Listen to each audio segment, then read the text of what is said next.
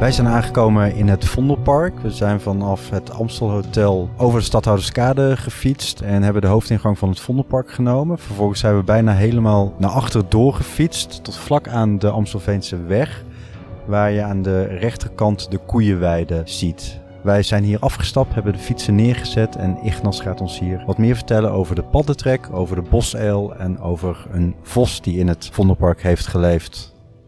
Ja, en we hebben hier eigenlijk drie grote scènes van de film gedraaid. Als je met je rug naar de koeienweide gaat staan, dan heb je aan je linkerhand een hoge boom staan. En daar broedt ieder jaar een bosuil in. En die bosuil die zie je eigenlijk nooit, maar je hoort hem altijd heel goed. En het is altijd wel mooi als je dan s'avonds door het Vondelpark fietst, dan hoor je dat geluid van die bosuil hoor je dan zo. En als die jongen heeft, dan hoor je ook die jongen roepen. Die zitten vaak op het dak te wachten tot een van de oude vogels aankomt met een, met een prooi.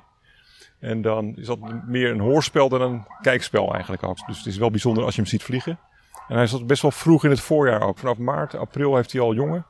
En hij is ook wel vrij snel is hij weer weg. Dus het is echt een momentje in het jaar eigenlijk dat je die bosuil hier in het Vondelpark kunt horen. Specifiek bij deze boom zit hij dus ieder jaar in een soort holletje daarbovenin. En dat zijn ja, wel bijzondere beesten. Hij jaagt s'nachts. En je ziet hier ook wel wat dingetjes hangen. Je ziet hier bijvoorbeeld tegenover de boom hier zie je zo'n kastje hangen. En dat is een vleermuizennestkast. Dus er wordt, wordt heel veel gedaan om de vleermuizen in, in het Vondelpark ook weer terug te krijgen. Normaal gesproken zitten ze in holtes van bomen. Je ziet zo'n plankje daar onderaan hangen. Dat is een beetje ruw gemaakt, dus ze vliegen eigenlijk op het plankje aan. En dan haken ze zich vast met hun nageltjes en dan kruipen ze zo omhoog. En dan hangen ze met groepjes in zo'n kastje eigenlijk. En als het dan een beetje schemerig wordt, dan gaan ze naar buiten. En dan gaan ze op insecten jagen. Maar dat is tegelijk ook het moment natuurlijk dat die bosuil gaat jagen. Dus die vangt ook die vleermuisjes wel weer met enige regelmaat. Dus dat is wel iets waar ze beide van profiteren. Dan als er veel vleermuizen zijn, dan doet de bosuil het ook goed in deze omgeving. En het Vondelpark is natuurlijk best een groot park. Dus er is ook veel ruimte eigenlijk voor die beesten om hier te leven en te jagen. En overdag is het natuurlijk druk, maar zeker s'avonds is het vrij rustig. Dus die beesten die kunnen prima hun gang gaan hier uh, in het donker. Dus dat is een van de dingen die eigenlijk, als je in april naar deze plek gaat, bijna 100% zekerheid kun je dat meemaken. Maar een tweede ding wat we hier hebben gefilmd is, je ziet hier het drukke fietspad voor je. Veel mensen heen en weer gaan. En dat is de paddentrek. En de paddentrek is ook iets wat meestal in april plaatsvindt, als de temperatuur een graad of 15 is. Dan gaan die padden trekken, want dan gaan de mannetjes en vrouwtjes elkaar opzoeken om te gaan paren. En het paren doen ze in het water. Dan, je hebt zelfs gezien die eiersnoeren, zeg maar. Dus die lange kikkers doen dat ook weer, van die kikkerdril. Maar ze hebben een snoeren waar al die kleine zwarte eitjes in zitten. En die komen dan in poeltjes uit en die kruipen er dan weer uit en die gaan dan weer uh, op pad. Maar uh, specifiek in april gaan ze dan uh, op pad en hoor je die, die, mannetjes ook roepen. En dan moeten ze dus het fietspad oversteken. Maar dat is natuurlijk levensgevaarlijk snelweg eigenlijk voor die beesten. Dus wat je hier hebt is dat groepen, dus je hebt een soort vrienden van het Vondelpark en die gaan dan met emmertjes zo tegen het vallen van de avond op pad. En die zoeken dus de padjes op aan de ene kant van het fietspad en die stoppen ze in emmers. En als er een aantal in een emmer hebben, dan gaan ze hier naar de koeienweide toe en dan laten ze ze daar, los. En je hebt op de koeienweide een aantal poeltjes. En daar zitten dan veel padden die daar gaan, gaan naar paren en die gaan dan hun eitjes afzetten. En daarna verdwijnen ze weer.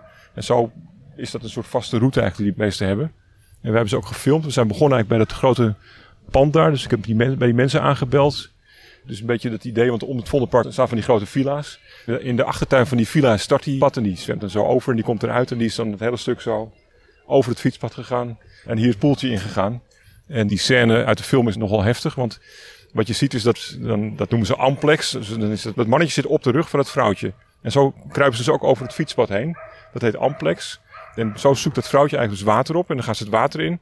En dan gaan ze dus paren en dan worden die eieren worden afgezet. Maar in dat poeltje zitten ook andere mannetjes te wachten. op het moment dat dus zo'n mannetje met, het, met op de rug van het vrouwtje het poeltje ingaan, dan duiken er dus ook tientallen andere mannetjes bovenop.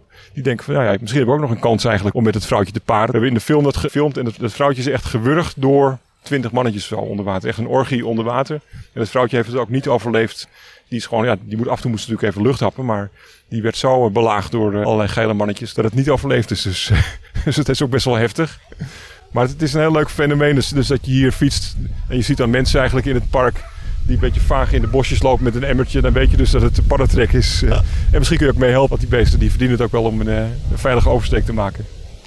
Gaan we even terug naar die bosuilen waar je het net over had. Is het dan ook zo dat je beneden aan die boom uilenballen kan vinden? Normaal gesproken zou dat kunnen inderdaad. Eigenlijk iedere uil doet dat. Hè. Die eten natuurlijk een prooi met huid en haar op. En die braken op een gegeven moment de harde stukjes die ze niet kunnen verteren uit. Dus dat zou moeten kunnen. Dus als je daar uh, op tijd bij die boom bent of je gaat er in het, uh, eens een keer naartoe, dan uh, moet dat zeker kunnen lukken. Dus het is eigenlijk, je hebt de ingang van de koeienweide.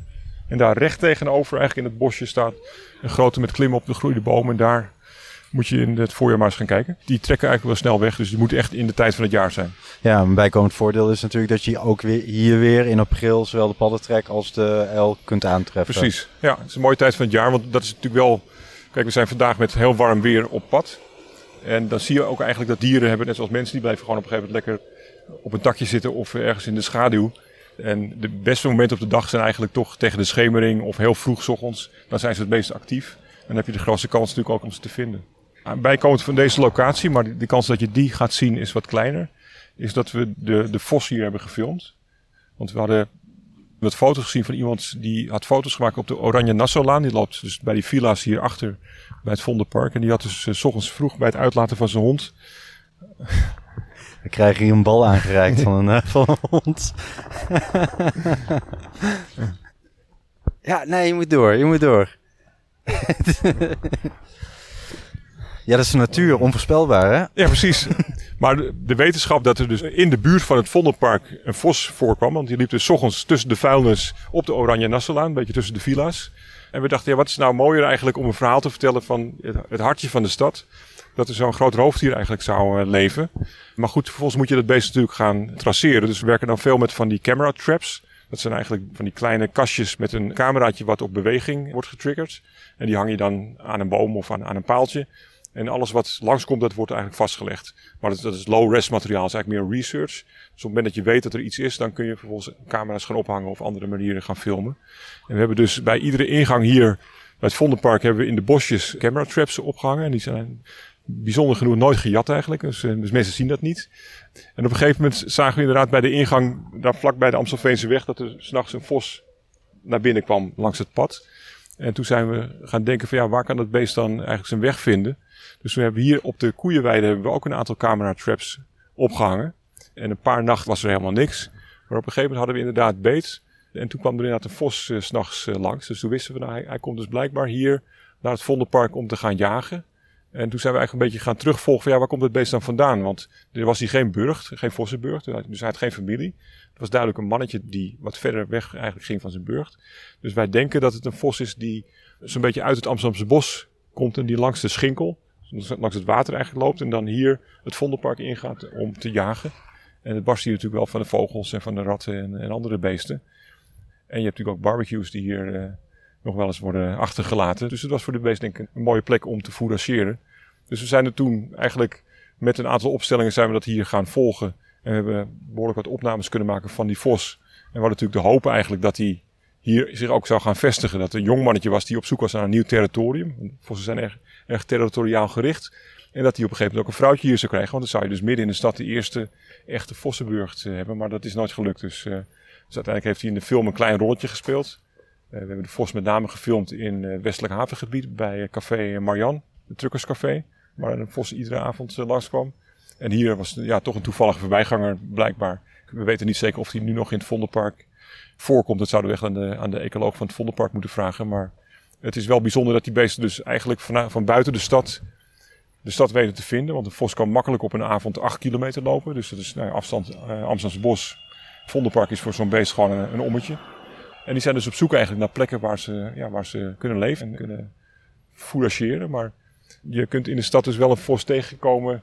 Ik denk als je op zoek bent. Misschien is het Vondelpark wat lastiger, maar bijvoorbeeld het Westerpark is wel een plek waar regelmatig een vos wordt gespot.